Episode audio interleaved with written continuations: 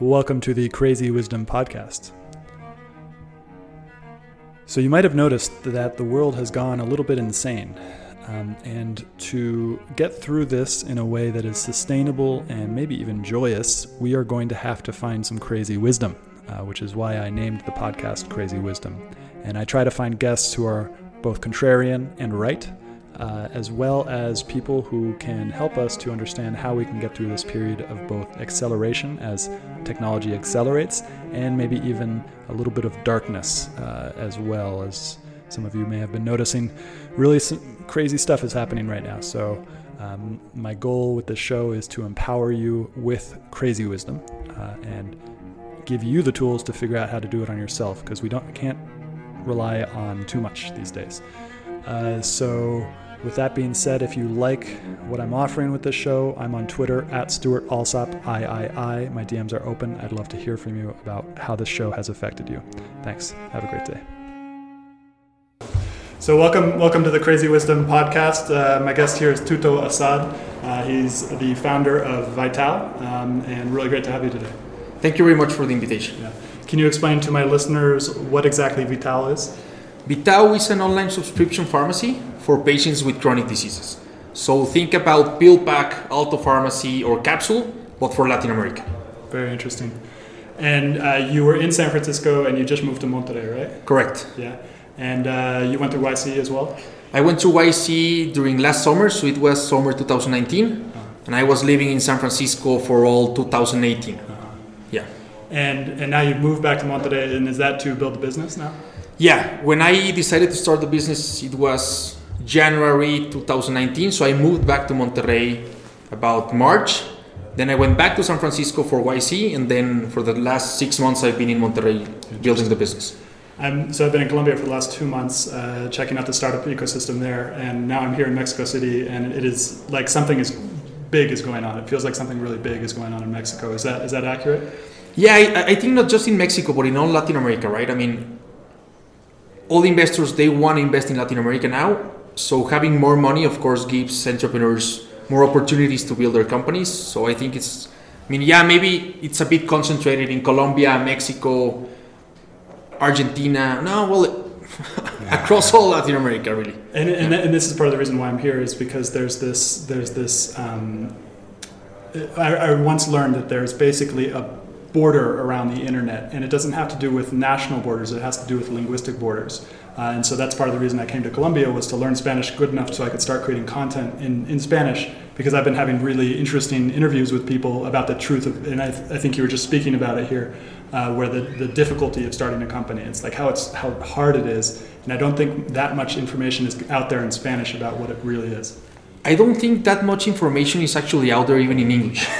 so in, in my perspective, all information on entrepreneurship is about how fun it is and how great it is and because we're seeing the stories of Jeff Bezos and Mark Zuckerberg, right? But we never see or hear the stories of those who failed, right? Or nobody has, or a, a few amount of people have the guts to say how they fucked up along the way, right? Uh, so yeah, I mean, if you create that content in Spanish, it's awesome. But I think in English, it's also super worth it. Yeah and, and this, this goes into like the recency bias as well because we, we have these interviews with people like Jeff Bezos, Mark Zuckerberg, all these people who have like created these companies a long time ago, but we don't have the information about what it was like 10 years ago when they were starting it before everybody kind of created it. Yeah, exactly. And I think right now, so like if you say, oh, you're doing it the same as Amazon is doing, well then you're doing it wrong right? Because amazon is at a different stage as you are and it's the same if you try to build something in mexico the way people are building it in san francisco right? I mean the location is different so the way must be different as well. I mean not everything but some things right? So so when we try to copy something we we need to understand why did that work that way where it worked or when it worked right and how should we change it to do it right now in Mexico or in Colombia or wherever you are. And then, so what is the biggest thing that you've learned recently trying to get this off the ground in Mexico? Um, so the first thing is the pharmaceutical industry works completely different in Mexico and the insurance industry as well in Mexico than, than how it does in the US, right? So that's been a challenge, but it's also a huge opportunity for us because in Mexico there's no big healthcare system that's connecting everything. as it works in the US. I mean, of course, a lot of people are going to say that the US has a really shitty insurance uh, policies and whatever, but at least everything is connected. In Mexico, that connectivity is non existent. So that creates a huge opportunity for us, not just to be a pharmacy, but to actually be a technology platform for healthcare that connects it all. And this is this is uh, so Peter Thiel, who's a famous investor, uh, talks about that the rest of the world just needs to copy what happens in San Francisco, and I, I've always argued that that is not accurate. Uh, that, that there's this that there's something different that happens. The biggest example is M-Pesa in Africa, a payment system that Correct. existed that could not have existed in the United States. Is that is that is even further along than the United States. You know, ten years after it existed in the United States, we still don't have that type of payment infrastructure. What you're talking about is very interesting for the uh, Mexican's inter, um, healthcare system, you can essentially build it along with technology at the same time. That's what you're saying, right? Yeah, exactly. I mean, maybe building it, I think it's what I said and not what Peter Thiel, said, Peter Thiel says. But what Peter Thiel says, it's really important when you're trying to pitch your company to investors because that way investors automatically get you, Yeah. right? So when I say we're building PillPack for Latin America, everybody knows what I'm doing, at least in San Francisco, right? So yeah, I use that to sell my company or to pitch my company. But then when you actually build it on the ground, of course, there's different things that you need to do differently. And this gets into something that's really important for people to understand who are starting companies is that there you have to create a story about what you're doing. And that story is not a lie. It's definitely not a lie.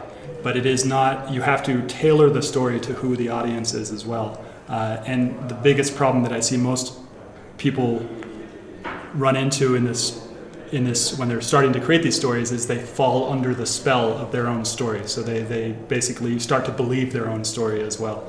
What yeah that's that, that's something super interesting because i mean I, I truly do believe that everybody's is good. But then i also believe that everybody has an ego right? So when you start to believe your own story then that ego can come up and, and show itself right?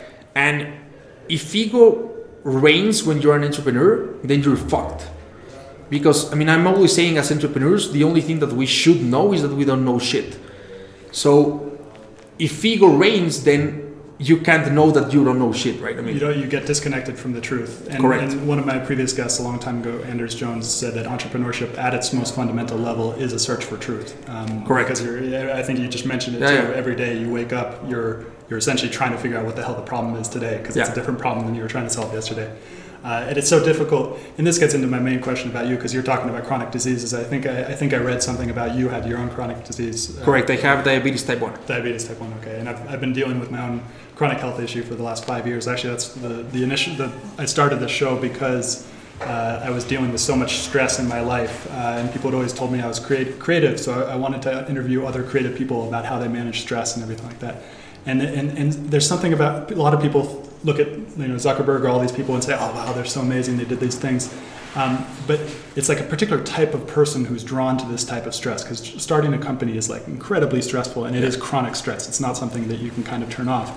But it's like people are attracted to that. And it's, it, it, this is another big problem that I see people is like, especially after the movie The Social Network in 2006. I don't know if, if around here the, uh, it got as popular as well. yeah, yeah, everybody saw it. Yeah, everybody saw it and everybody's like, oh, I want to be Zuckerberg and everything like that. Well, the, the, the thing is, in that movie, Zuckerberg creates Facebook and becomes a millionaire in two hours, right? And that doesn't happen in two hours. Yeah. It happens in many, many years, right? Yeah. And for some people it happens, but tho- those are the exceptions that prove the rule. Yeah. Uh, I'm sorry, the rule. Uh, the, yeah. So, so,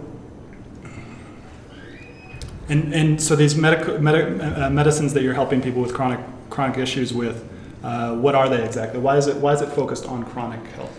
Well, it's focused on chronic health because, I mean, in, in Mexico, you have a pharmacy in every single corner, right?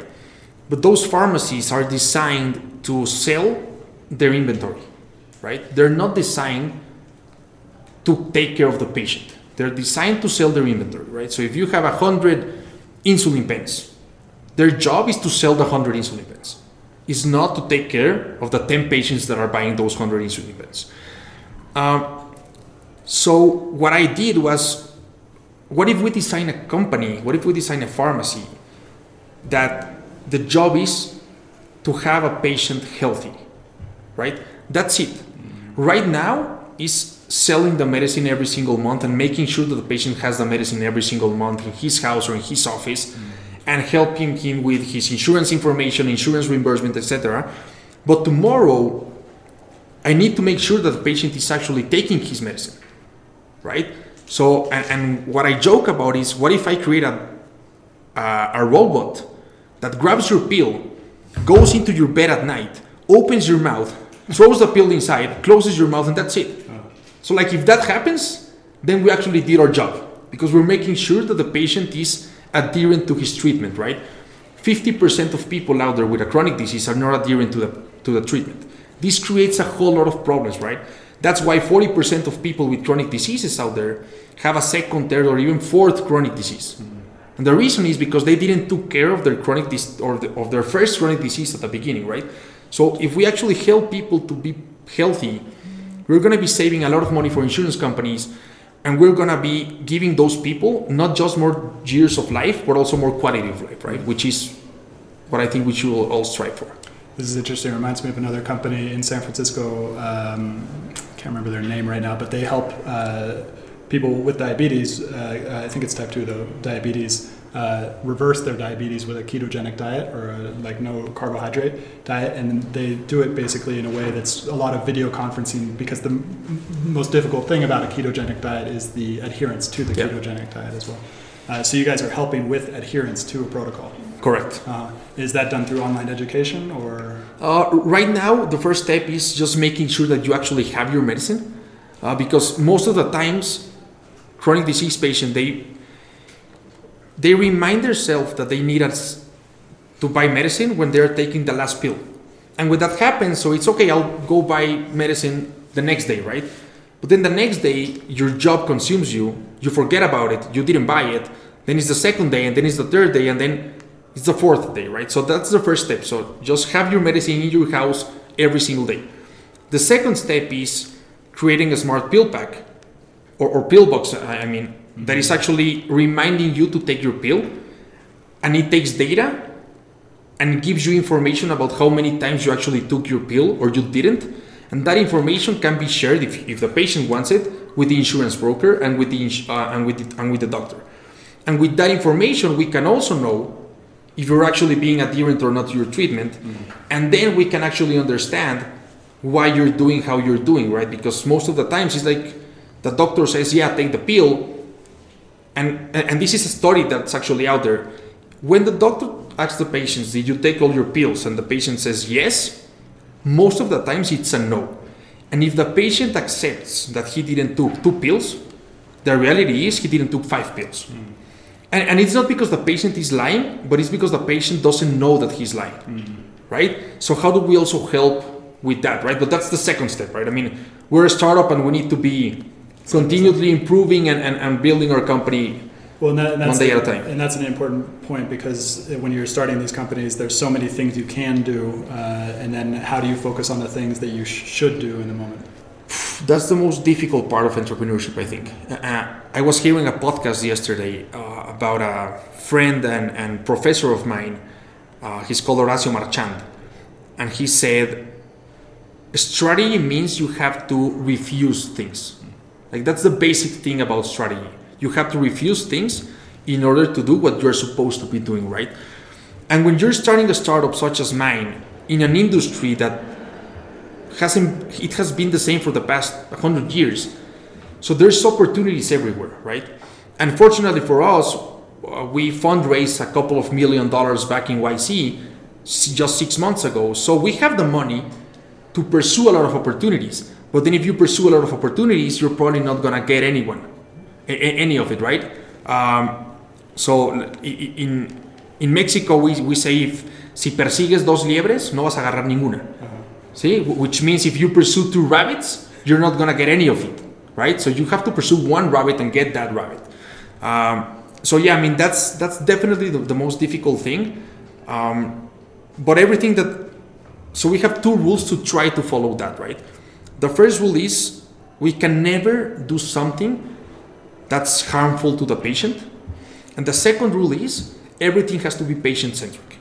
chronic patient centric, right? So if you're talking about acute diseases, we're not touching that, at least not for the next five years. So it's chronic patients, chronic patients, chronic patients. Mm-hmm. Or really it's people with chronic diseases, mm-hmm. right? Because if you say chronic patients, it's a it's a wrong way to say it.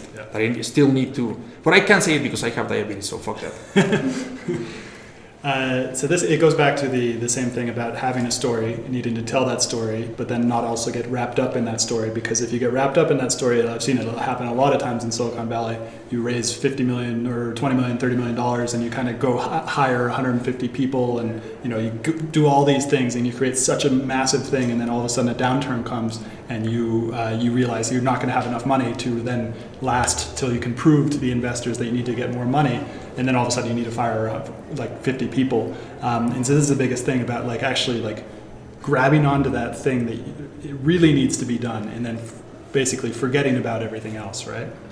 Yeah yeah so i think that the way to try to not fall into that is not to grab onto that thing that needs to be done but rather grab onto that thing that needs to be resolved. Mm. right? Which is falling in love with the problem or the solution, right? If we fall in love with the solution, then I mean the probability the probability of failing is higher, but the problem is there, right? So it's just how do we address that problem? Hmm. Interesting.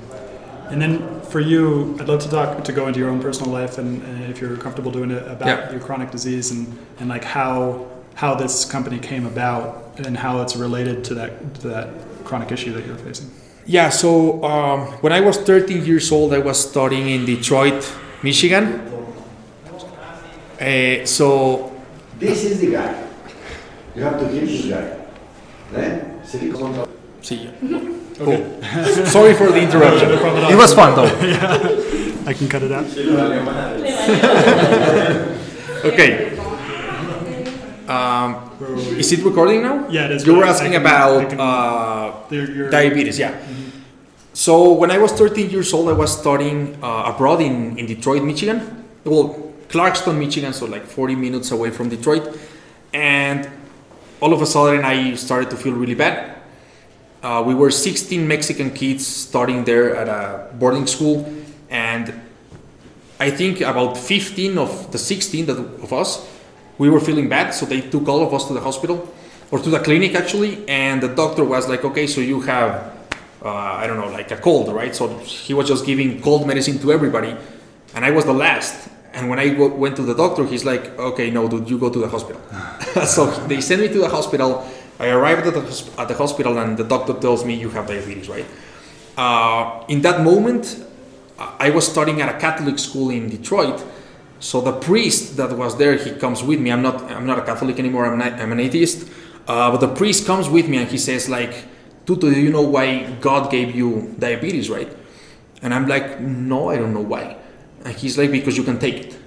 Because you can actually control or, or manage your disease and create something good out of it. And that's probably one of the most important moments in my life, uh, which is funny that a priest gave it to me and I don't believe in God, right? Uh, but it's but still you can take something good out of everything. Um, so yeah, that's when I started with uh, with diabetes. Then diabetes pushed me into a more healthier lifestyle. So I exercise almost every day. Uh, today in the morning I walked for an hour uh, to get to Jose's apartment to then grab the Uber to come here to Tech. Um, I did a couple of push-ups in my hotel room. So like I, I always try to do something. Uh, I try to eat healthy, although yesterday I ate an ice cream. Um, and along the years, I figured out that all of us that are right now in this room recording this podcast are probably about the 0.0001% most fortunate of the people in the planet, right? So we have a huge responsibility to help the other 99.99999%, right? Um, so how can I help people with diabetes such as myself, right? Mm-hmm. So that's how this maybe not the maybe not the idea came to be, but how the inception brought me to that idea, right? Uh, and right now, of course, I'm trying to help people not just with diabetes, but also with cancer and other diseases. Uh, but in the end, it's about how to create a life for everybody as good as mine has been, mm-hmm. right? So and and that's That's just a responsibility that we have to live with. There's two things we could take that because it, it. The first, uh, what you said about having an issue where you have that issue because you have the capacity to then work with that issue as well, and like that is something that is very powerful. And and if you're going to start a company, if any of you are going to start a company, anybody listening is going to start a company, you are making a deal that essentially things are going to come out that are you have no way of planning for. Yeah. It's not secure. There's no, you know, it's not like a, you get a pension after 20 years. It's Correct. like you're you're you're signing on to something. And then the other thing you mentioned about how we have been in this state of the biggest economic development over the last 50 years. We are now like we are. There's a whole bunch of people on this planet who now have the resources that were only available to kings about 500 years ago. And it seems like we're also entering a stage of intense um, disruption, and, and, and I hope that it doesn't stop because it, it, like it, there's a fundamental challenge that we're entering where it's like if we're going to get everybody out of poverty, it also means that the environment is going to suffer, and so there's this this really fine balance. Um, which one do you want? Do you want to talk about? Do you want to talk about this this essentially this struggle that you sign up for, um, and this meaning, the meaning that comes from this this this this this of having challenging circumstances, and I guess they're kind of related to as well. Yeah, yeah. I mean, they, are super related, right? Because if you take the second one, right, so that responsibility that we have, and, the quote that I like to use to express this is if anybody saw or, or the comics of Spider-Man or, or the first movie of Spider-Man maybe 15 years ago, Uncle Ben tells Spider-Man, with great power comes great responsibility, right? So it's basically the same thing, right? And with that responsibility and with that great power, it comes a lot of situations that we have no idea that are gonna hit us tomorrow, right? I actually, uh, about maybe a year and a half ago, I, I wrote a book and I published a book called Emprender a Trancazos, uh, which translates to building a company with punches or through punches or by being punched or something about punches. Uh, but because that's been my life, right? I mean, and the, every single company that I'm that I've been trying to make, of course, when I was 14 years old and I built my first company, my reason was because I wanted I want to become a billionaire by 20. Didn't happen, right? Uh, now it, that's not the object the objective, right? Now the the object the objective is to help more people, and, and, and this is true. I mean, I'm just not I'm not saying this to sell my company or or sell my personal brand. That, that's actually true. Um, so throughout all of these entrepreneurships and all of these ventures, it's just been heat after heat after heat. I mean, I I've had somebody point a gun to my head in one of these ventures, right? You don't expect that to happen. I wasn't doing anything wrong, it's just super bad luck. but I mean, you have that, and then I was telling them about a thing that I can't mention in a podcast right now, but like really bad shit happen, and you just have to be able to deal with it. And the main reason that you're actually able to do it is actually because you believe that you're building something greater than yourself, right? And money, yeah, it's it's not good when you don't have it. And probably you're not gonna be happy if you don't have enough. What's enough? Just to take care of basic things. Once you take care of basic things, money doesn't make you happy. Hmm. Yeah, purpose makes you happy. So I think all of us have just enough. Mm-hmm. So how can we actually live a purposeful life, right? And the purposeful life and that meaning is such a hornet's nest of like you know if you're going to describe how do how does somebody find meaning in their life i think to actually like tell them this is going to how you're going to find meaning would be doing a disservice to them because this meaning thing is so subjective it's so It's personal. yeah it's personal It's completely personal, right? I mean, you, you can find somebody creating a watch, and for him, creating that watch is art, right? And I was actually hearing this in another podcast called Philosophize This. It's a great podcast.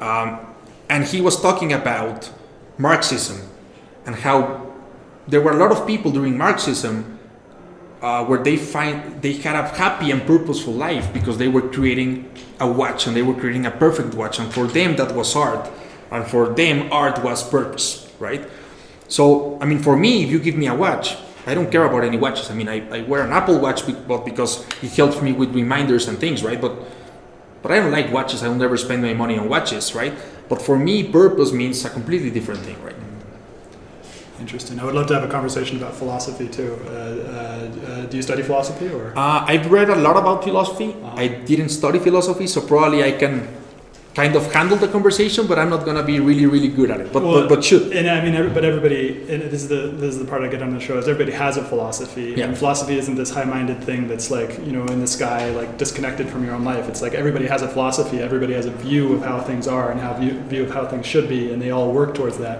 Uh, so it's it's it's something. And I've okay. So what is what is the relationship between do, uh, studying philosophy or just having a life philosophy and doing business? The relationship with it well i think that you're gonna handle your business and you're gonna try to create your business or your objectives and every i mean everything from your mission your vision your objectives your day to day has to do with your philosophy because your philosophy it's gonna dictate the way you act every single day right?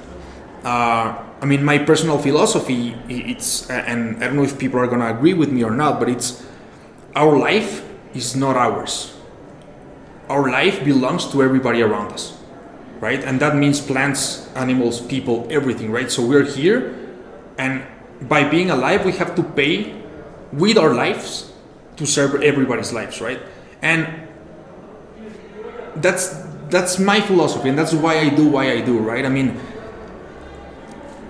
we just have to help everybody out, and we have to make sure that we don't fuck up this world as well, right? Because I mean, we, we've seen what happened in Australia a couple, of weeks ago, um, and I think that that's actually what's driving my company and my decisions in my company, right? I mean, of course, then you have the problems of when you hire people, you have to hire both for culture, which means having the same values as you, but also for diversity, diversity, which means that maybe they're not going to have the same values as you, right? So how do you balance those two things to both give your company the capacities and the different capabilities that it needs to create what you want to create, but also make sure that the culture and the values stay the same, right? So that's where where company building and philosophy kind of clash, right? Yeah.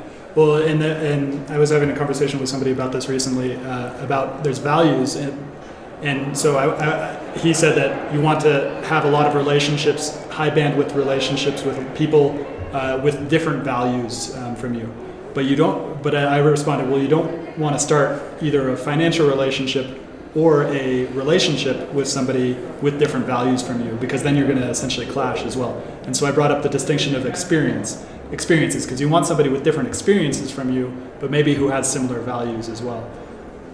Yeah, I, I totally agree with that. I mean, for sure, I mean, building a company or, or getting married, right? I mean, Mariana, my wife, I think she has a lot of values super similar to mine, right? And Alejandro, my business partner in Vitau, I also believe that he has a lot of values similar to mine. And, and but we're also super different, right? So Alejandro, for example, he's super religious. And I am not I'm not only an atheist, but I'm a an atheist that will love if the world will be an a- will be atheistic, right? so like our points of view about religion are completely different, but our values are exactly the same, right? So yeah, I think I mean if you're gonna marry someone either in business or in real marriage, values are they have to be the same. That's good. That gets into something. Do you guys, do you and your business partner ever have uh, very challenging discussions, uh, either related to business or related to religion? Uh, re- related to business, not that much. Uh, I think we both understand that he's a technology genius and I'm a technology moron. uh, so that's one thing. And the other part is, I know business more than he does. I'm not a business genius and he's not a business moron, but like each of us has its own expertise somehow. Uh, when it comes to religion, that's a topic that with him, I don't. I mean, I'll tell a joke every one, every two weeks maybe, uh, but I always make sure that's a joke that's like super fact based, right? So like, oh, another priest uh, doing things, right? I don't want to say this because then people get angry, but yeah, that, that's a topic that I found out most people don't know how to talk about that topic. Yeah. I love to talk about that topic. If you bring out that topic, I can speak here for three hours. Uh, but that's something that most people will, will get angry at me when I talk about it. But because for me, it's just another topic, right? It's not like a sacred topic because, of course, I don't believe in that, right? So, yeah. Interesting. Let's get into that. Let's get into sacredness and, and a- a- atheism and, and what led you to, to give up Catholicism and become an atheist. Um, what I don't know. I mean, I just started uh, reading the Bible, and it's super strange. But when you read the Bible, like most things don't make sense. Uh, and I actually read the whole Bible. I have the whole Bible. Um, how do you say subrayada, highlighted? Uh, and there's so many fucked up things in there that it just starts for you to question yourself. And then at the same time as I was reading the Bible, a friend of mine uh, he recommends me a book called The God Delusion by Richard Dawkins. So Richard Dawkins is of course one of the most uh, famous atheists out there, and he's one of the most famous uh, scientific biologists also. Or he's a I, I, don't really know like the title or, or like the specific field of study, but he's like a super smart guy. And he writes this book, and throughout this book, he just starts like saying God doesn't exist, right? And he starts to question everything about God and religion. Uh, and then I went and I read more non-religious books talking about religion, and then I read religious books from the Dalai Lama and the popes and whatever. So I was trying to get information from both parts, uh, but in the end, it's just like for me, actually doesn't make any sense to believe that there's a guy with a beard in the sky somewhere that's kind of telling us how we should be living life, right? I mean, but that's me.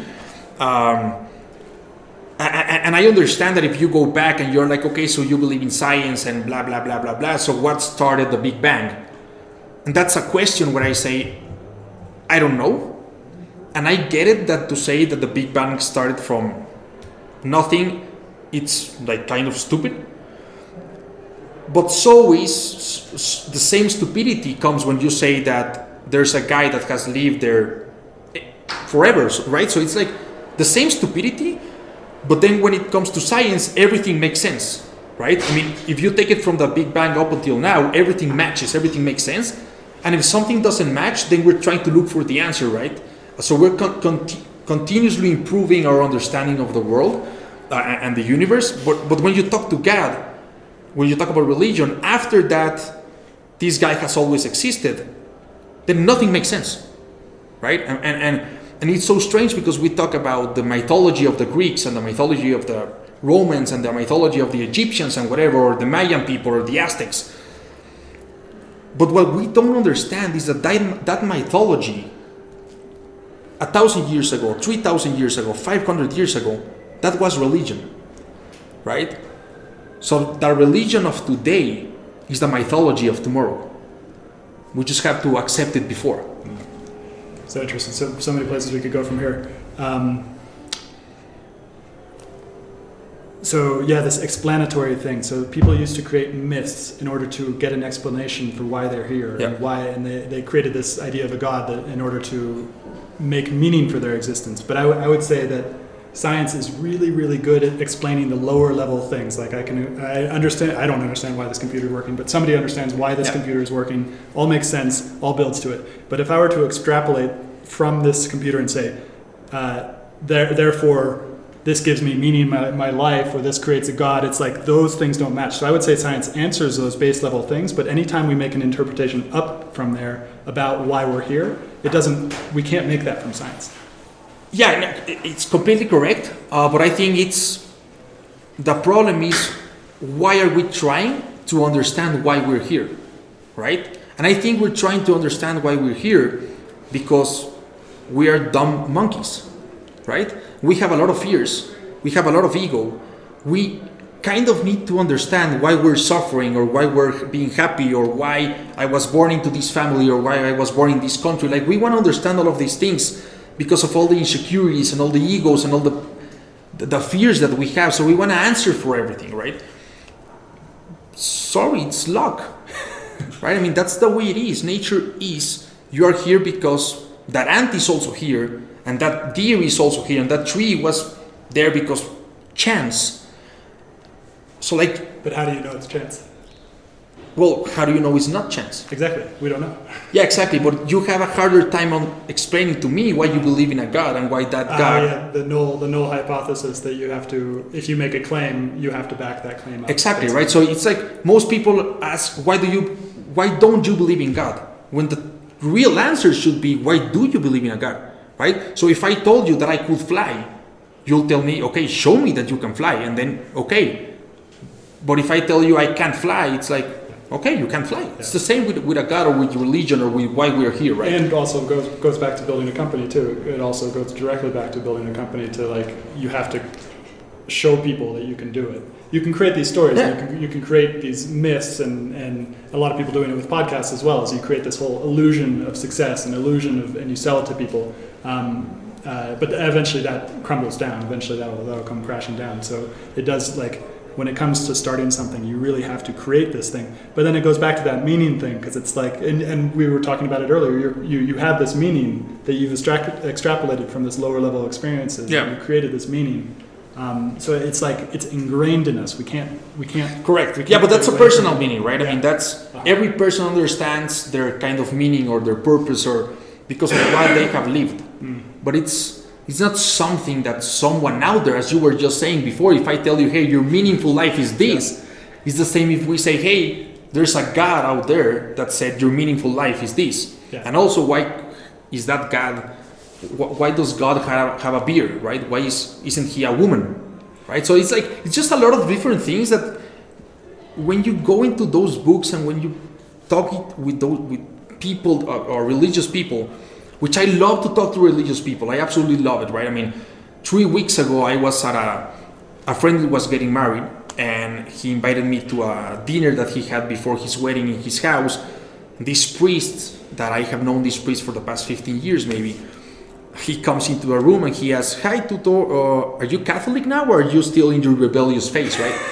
Uh, and I laughed, and I laughed, but also it was like, "Oh, dude, like don't don't ask that."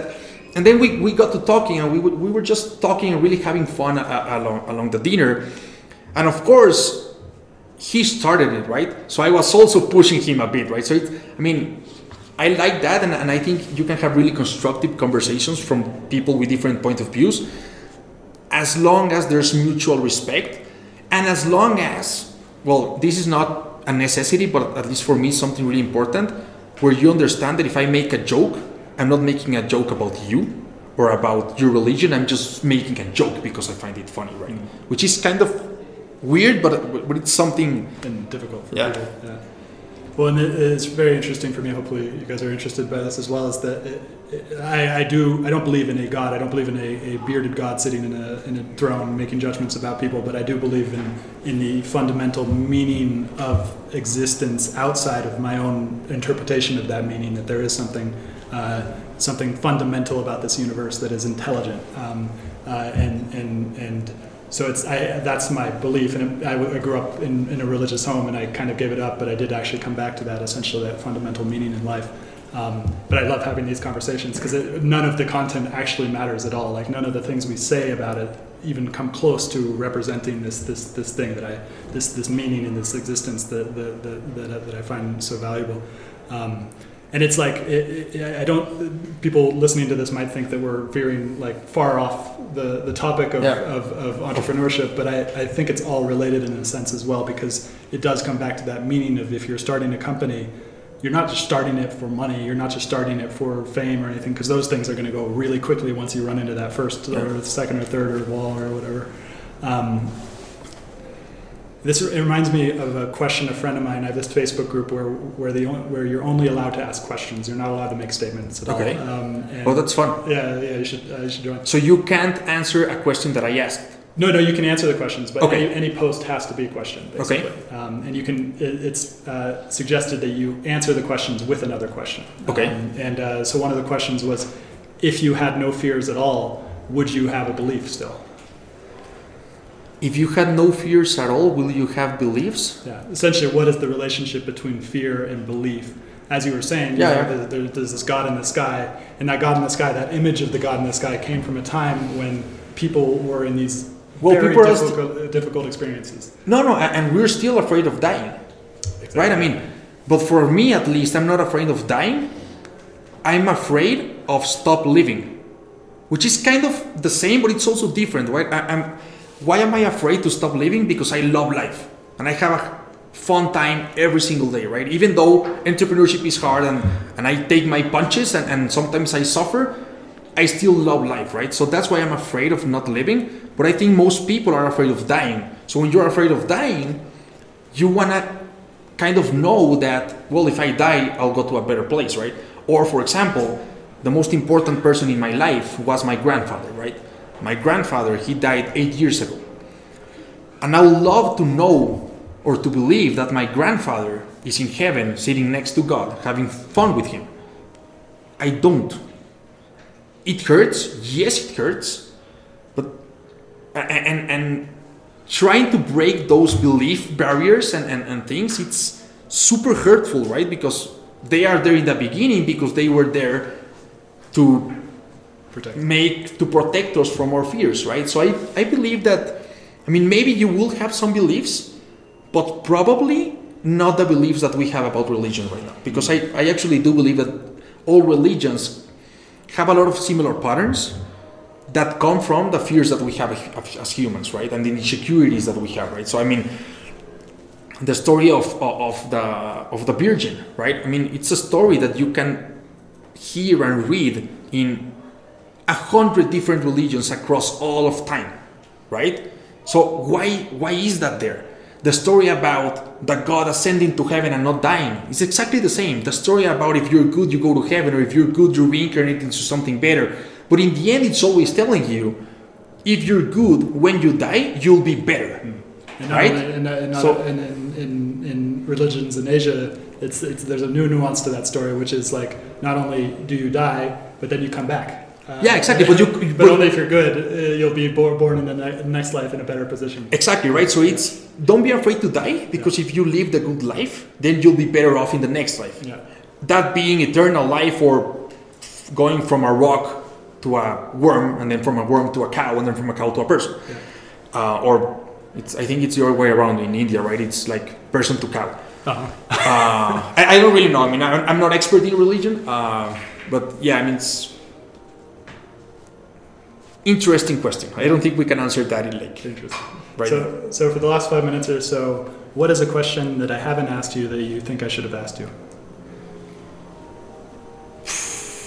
Wow. Um, well, th- th- this is something really interesting. I- am not sure if it's that question, but it's an interesting question that somebody asked me when I was in YC actually. So, so Paul Buchheit, he's the guy that created Gmail. Uh, he's now a partner at YC, and he posted uh, to, a, to the to the YC group, "Hey, I'm giving office hours, right? So office hours, for people that don't know, it's you go to somebody and you talk about specific problem, right, or situation or whatever.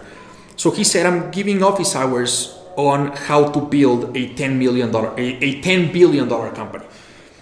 So I took an office hour and I went with him and when I sat down, he he said two things, right? So number one, what are you doing? So okay, I'm building Vitau. Vitau is PillPack for Latin America. Blah blah blah blah blah. And then he asks, what do you believe about your industry or about your market or about your company that a very few people believe? And my answer to that question was, the insurance companies are going to disappear. Um, why do I believe that? Because unfortunately for us, my market is growing. And, and listen to that. It's not fortunately for us. Unfortunately for us as humans, Vitau's market is growing, right? Because every time people are getting sicker and sicker and sicker, and every time people are living more, but they are living more being sick. So insurance companies are not gonna be able to take care of all of these sick people. So I don't know if it's gonna be 10 years from now or 30 years from now, but insurance companies, as we know them, they're gonna disappear. So what do we have to do about that? Because we need to do it now. I mean, the decisions that we take today are gonna bring us our diseases 10 years from now, not tomorrow, but 10 years from now, right? So I think that's something really, really interesting to, to, and I think that's present in most economies, particularly in, econom- in developed economies that are aging. Uh, we already see it in Japan. We're going to see it in China, uh, in the United States. Uh, just a whole bunch of people getting older and not enough young young people being able to work enough to, to like support the those pensions and, and insurance and stuff like Correct. that. Correct. Yeah. Well, this has been a huge pleasure. Uh, how can people find out more about you and how can people find out more about Vitau? Uh, so about me, it's Tuto Assad, T U T O A S S A D in every social media. Uh, mostly I use LinkedIn and Instagram. I'm trying to use Twitter, but I, I don't know, I just can't use it. Uh, and then about Vitau, it's vitau.mx or Vitau Medical in every social media. Mm, very cool. Thank you so much for coming on the show. Thank you very much. Yeah. Hope you enjoyed this episode. I'll be publishing episodes every Monday, Wednesday, and Friday in the morning. If you did enjoy this episode, please find us on iTunes, Spotify, Stitcher, many of the major podcasting platforms, and go ahead and give us a review. And also subscribe. And as always, I'm on Twitter at Stewart Alsop III. Come join the conversation as we aim towards the truth and the funny thing about truth is that you can't really put it into words because every time you put the truth into words, create a linear narrative out of something that is nonlinear. The truth is nonlinear. It's not. It's. It's. If you really recognize the truth right now, your mind wouldn't know what to do. It'd be overwhelmed by beauty, and pain, or it's it's something that is beyond our linguistic capability to represent. But that doesn't mean that the language isn't helpful. Language can point us in the direct, right direction, but it's it's not it's not the truth itself. And so, come join this collective inquiry into the truth. Find me on Twitter at Stewart Alsop III. Uh, subscribe to the podcast. Share the podcast with your friends. Uh, most people don't have the ability to let go of this linguistic understanding of the way that the world works and just aim for the truth, regardless of what the language tells us. Uh, and so I think what I'm doing with this this show is is necessary for us because as we enter this stage of uncertainty, uh, and we are most definitely entering an age of uncertainty, and as we do, it's really really important that we stop paying attention to what the mind is telling us all the. Doesn't mean to say that the mind doesn't have its place. The mind obviously has its place, but it's just one of the senses. It's just one of the tools that we can use. We can use the mind, we can use the feelings, we can use our actual senses. Uh, we can check our intuition with other people because sometimes the intuition tells us the wrong thing as well. Sometimes the intuition is wrong. So it, we can't we can't rely on any one tool to get us there. So come join the show. Find us on iTunes. Find us on Twitter at Stewart Alsop III. Uh, and come join the, this inquiry for truth.